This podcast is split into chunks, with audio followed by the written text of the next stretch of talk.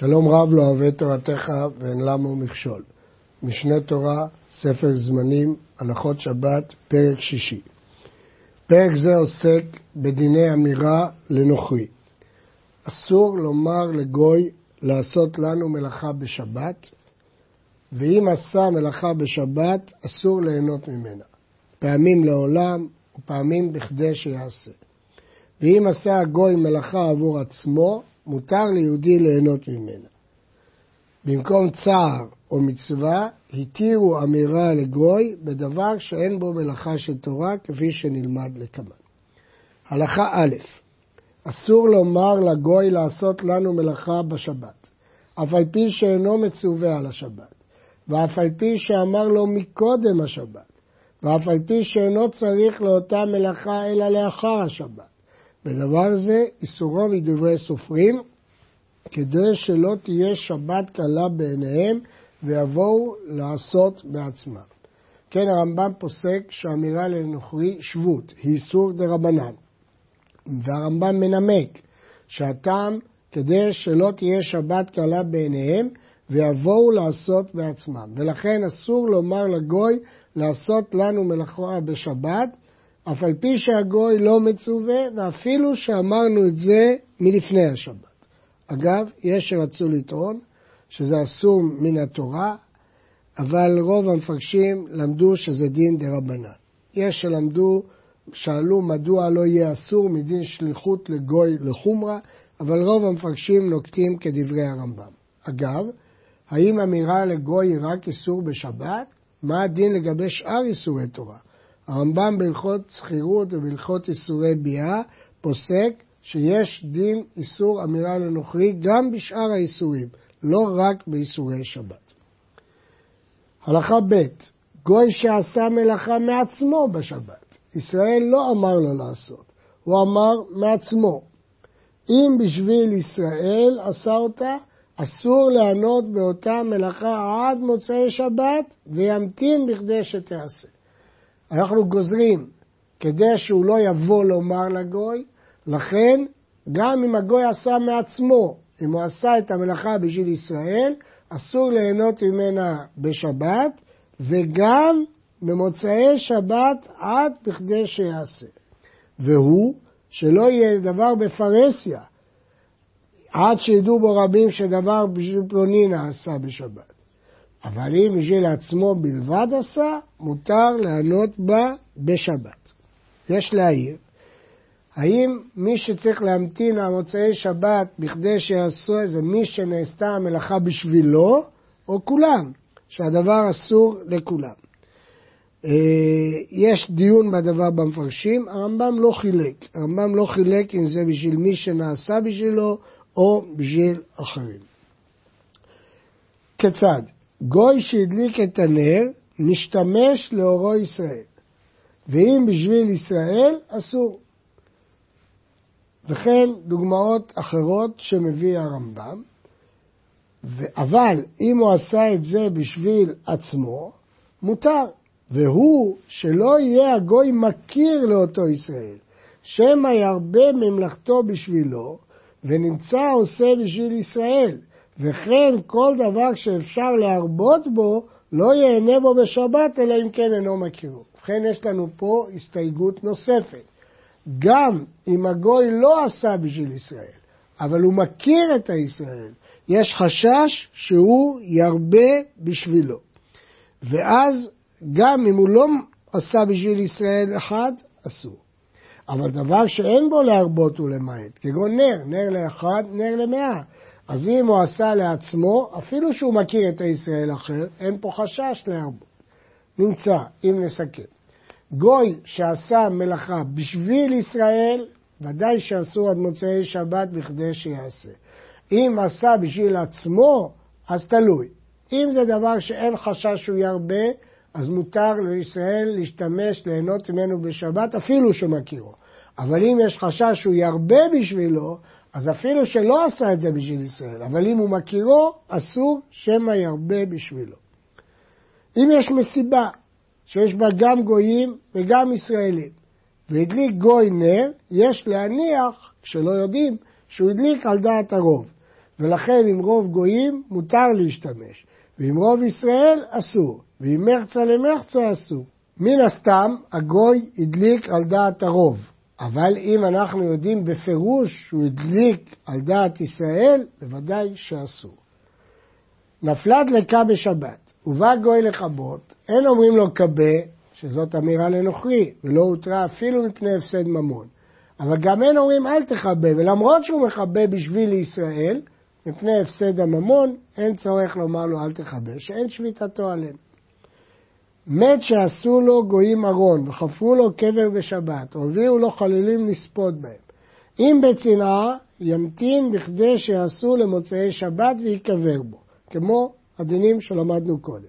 החידוש הוא שאם היה הקבר בסרטיה גדולה וארון על גביו, וכל העוברים ושבים אומרים שזה הגויים עושים עכשיו בשבת את פלוני, אז יש פה פרהסיה, הרי זה לא ייקבר אותו ישראל עולמית מפני שהוא בפרהסיה. כפי שלמדנו כבר בהלכה ב', שכל דבר שנעשה בפרהסיה אסור לעולם.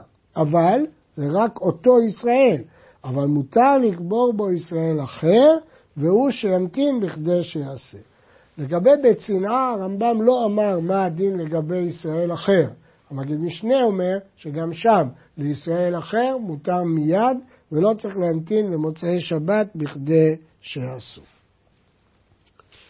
הלכה ו' גוי שהביא חללים בשבת למת, אף על פי שהביאה מצד החומה, ימתין למוצאי שבת כדי שיבואו ממקום קרוב ואחר כך יספד בהם. שבע בלילה הביאו ממקום אחר עד החומה, ובבוקר נכנסו בהם.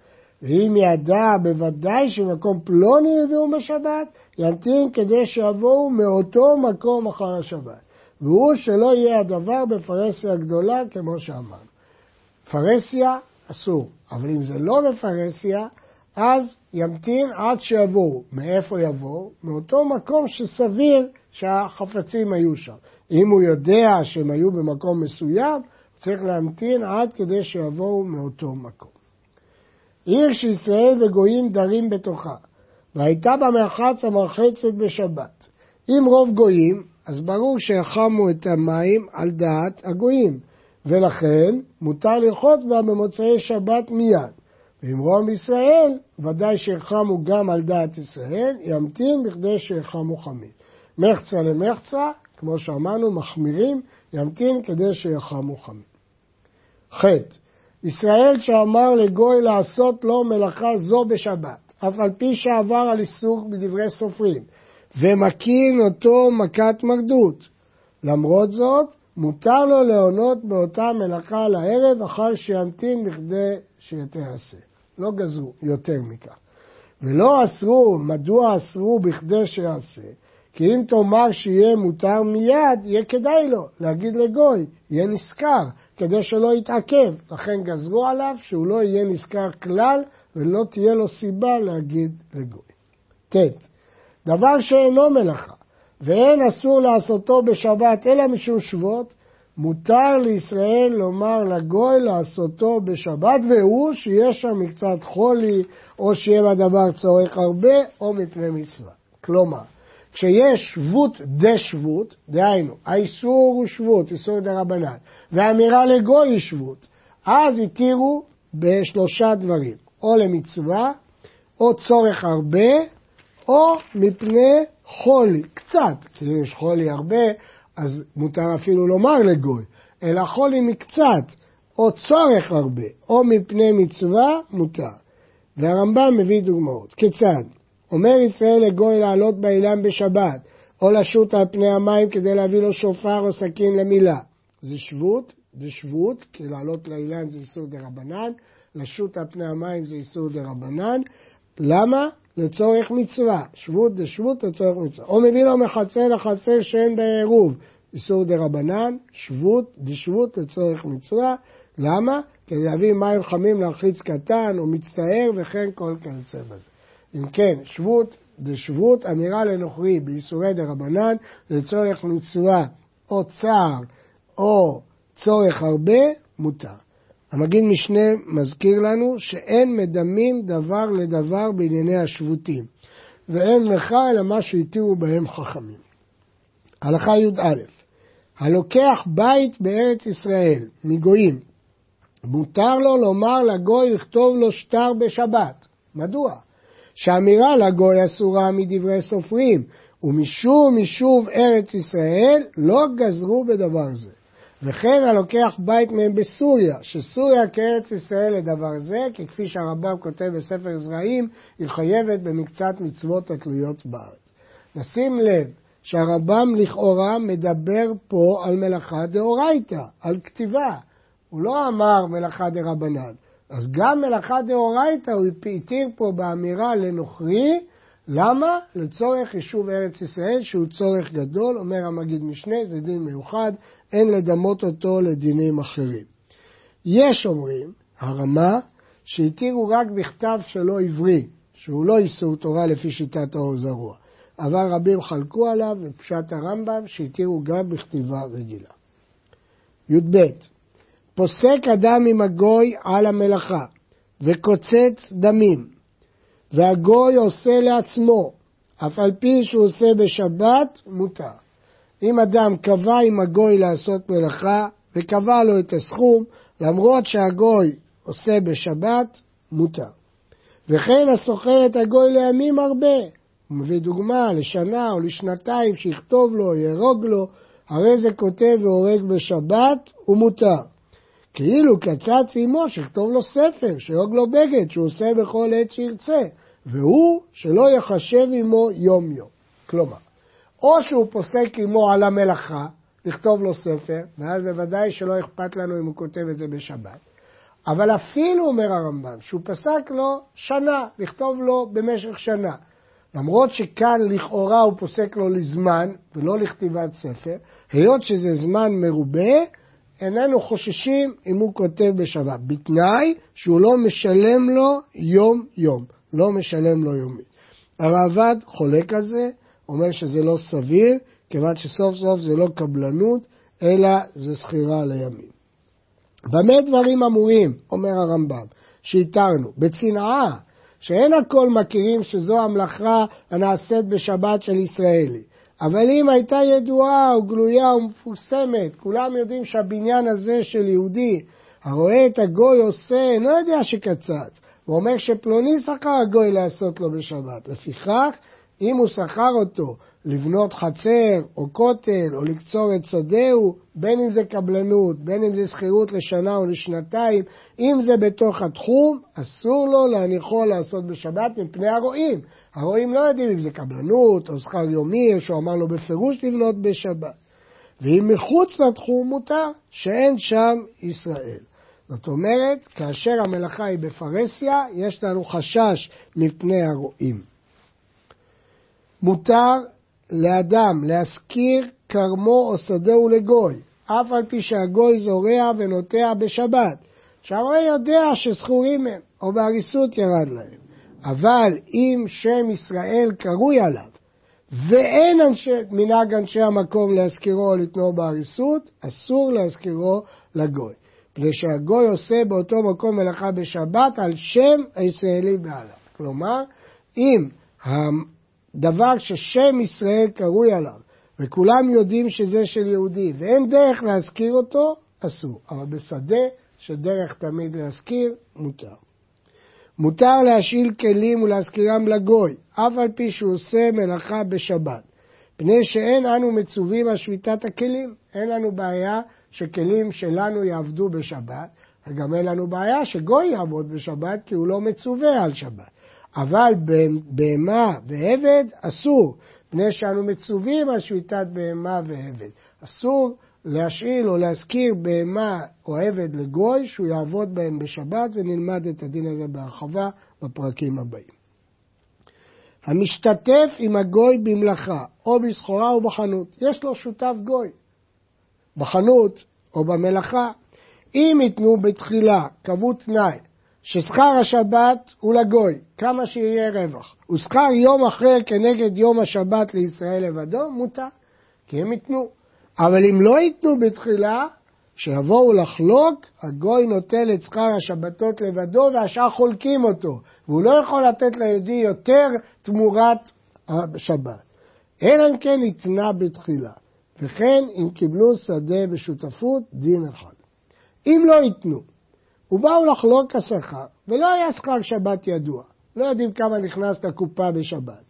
יראה לי, כל מקום שכותב הרמב"ם יראה לי, אין לו מקור. שהגוי נותן לבדו שביע השכר. שביעית מהמשכור, השכר הולך לגוי, והשאר חולקים. הנותן מעות לגוי להתעסק בהם, דהיינו לקנות סחורה ולהרוויח, אף על פי שהגוי נושא ונותן בשבת, חולק עמו שכר בשווה, וכן הורו כל הגאונים. מפני שכאן זה לא דומה לחנות שפתוחה יום-יום ונכנס שכר של שבת בפירוש. הוא מתעסק, זה כולל כל מיני רווחים. ולכן כאן אין בעיה שהם יחלקו שווה בשווה. הלשון בגמרא, אם באו לחשבון אסור. הרמב"ם לא הזכיר את הביטוי באו לחשבון. והשאלה למה הכוונה. הרמב"ם תלה את זה אם התנה או לא התנה, וכנראה שזה תלוי בסוגיית אה, התנאי, כך הוא למד את הגמרא. לא ייתן אדם בערב שבת כלים לאומן גוי לעשותם, אף על פי שפסק עמו, אלא בכדי שיצא בהם מביתו קודם שחשכה. וכן לא ימכור חפצו לגוי, ולא ישאילנו, ולא ילבנו, ולא ימשכננו, ולא ייתן מתנה, שיצא באותו חפץ באותו שבת. שכל זמן שהוא בביתו, אין אדם יודע מתי נתן לו. אנשים יראו אותו יוצא מהבית בשבת עם חפץ, יסברו שהיהודי נתן לגוי בשבת, או הלווה לגוי בשבת, או משכן לו בשבת, או מכר לו בשבת. אז מפני מראית העין, חייב שייקח בחשבון שהגוי יצא מהבית לפני שבת. נעבור לדין איגרת. הנותן איגרת לגוי להוליכה לעיר אחרת. אם קצץ עמו שכר הולכה, מותר. כמו כל הדינים הקודמים שלמדנו, שאם הוא קצץ לו את הדמים, לא אכפת לי מתי הגוי עושה את זה. אפילו נתנה לו ערב שבת עם חשיכה, והוא, שיצא בה מפתח ביתו קודם השבת, כמו שלמדנו בהלכה הקודמת, מפני מראית העין. אבל אם לא קצץ, הוא לא קבע לו את הסכום. אם יש במדינה אדם קבוע שהוא מקבץ האגרות ושולח אותם לכל מדינה ומדינה עם שלוחיו, בלשון הגמרא בדואר, מותר ליתן לגוי האיגרת. והוא שיהיה שהות ביום כדי שיגיע לבית הסמוך לחומה קודם השבת. שמא זה שמקבץ האגרות ושולחן ביתו סמוך לחומה. אבל אם אין שם אדם קבוע לכך, אלא גוי שנותנים לו האיגרת הוא מוליכה לעיר אחרת, זה כאילו שאתה שולח את הגוי בשבת, אסור לשלוח מעט גוי איגרת לעולם, אלא אם כן קצץ לו דמים. כיוון שהדין הזה היה מאוד מאוד מצוי בחוץ לארץ, יש פה דיונים רבים בפוסקים ובהלכות אה, מתי לאסור ומתי להתיר. כ"א גוי שהביא חפציו בשבת והכניסם לבית ישראל, מותר, ואפילו אמר לו הניחם בזווית זו, הרי זה מותר. כי מותר לומר לגוי לעשות מלאכת גוי. כל מה שאסור לומר לגוי זה לעשות מלאכת ישראל, אבל להגיד לגוי תעשה אתה מה שאתה רוצה, אין לנו בעיה. ומזמנים את הגוי בשבת ונותנים לפניו מזונות לאוכלם. מדוע? כי אין חשש שהוא יבשל בשבילו. אבל ביום טוב אסור, כי יש חשש שהוא יבשל בשבילו. ואם נטלם ויצא, אין נזקקים לו, מפני שאין שליטתו עלינו, זה לא אחריותנו. וכן נותנים מזונות לפני הכלב בחצר, ואם נטלם ויצא, אין נזקקים לו. הגמרא אה, דנה בדין של הזמנת גוי בשבת וביום טוב, והיא קובעת את החילוק הזה, שבשבת אין חשש שיבשל בשבילו, וביום טוב יש חשש. מי שהיה בא בדרך וקדש עליו היום, הוא חושש שתשקע החמה, והיו עמו מעות, עכשיו יש לנו חשש, יש לו מעות, שמא יבוא לטלטלם בשבת. ישנם כמה היתרים שהתירו לו חכמים. נותן כיסו לנוכרי לא הוליכה לו, ולמוצאי שבת לקחו ממנו, אף על פי שלא נתן לו שכר על זה. אף על פי שנטלו לו בשחשכה מותר, פני שאדם בהול על ממונו, ואי אפשר שישליכו. ואם לא תתיר דבר זה, שאין איסורו אלא מידי סופרים, יבוא להביאו בידו ועובר על מלאכה של תורה. עדיף לנו, להתיר לנו לתת איתו לנוכרי, ולא לאסור עליו. כי אם נאסור עליו, הוא יעבור על מלאכה של תורה להוציא את המעות בידו. במה דברים אמורים בכיסו, אבל מציאה לא ייתן לנוכרי.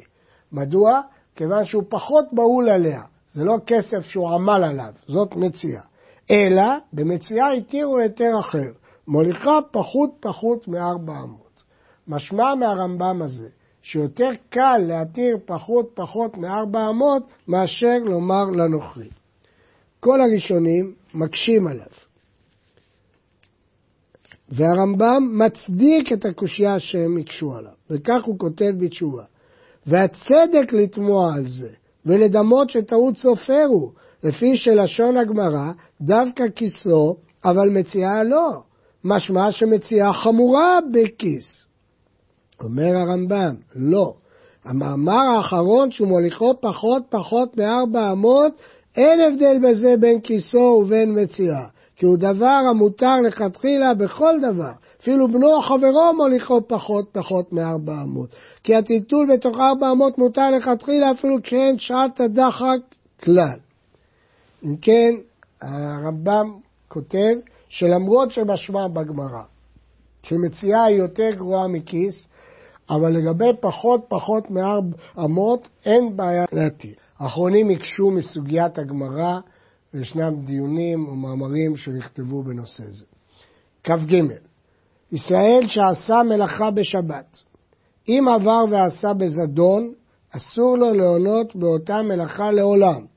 ושאר ישראל מותר להם ליהנות בה למוצאי שבת מיד, שנאמר, ושמרתם את השבת כי קודש היא, היא קודש, ואין מעשה הקודש.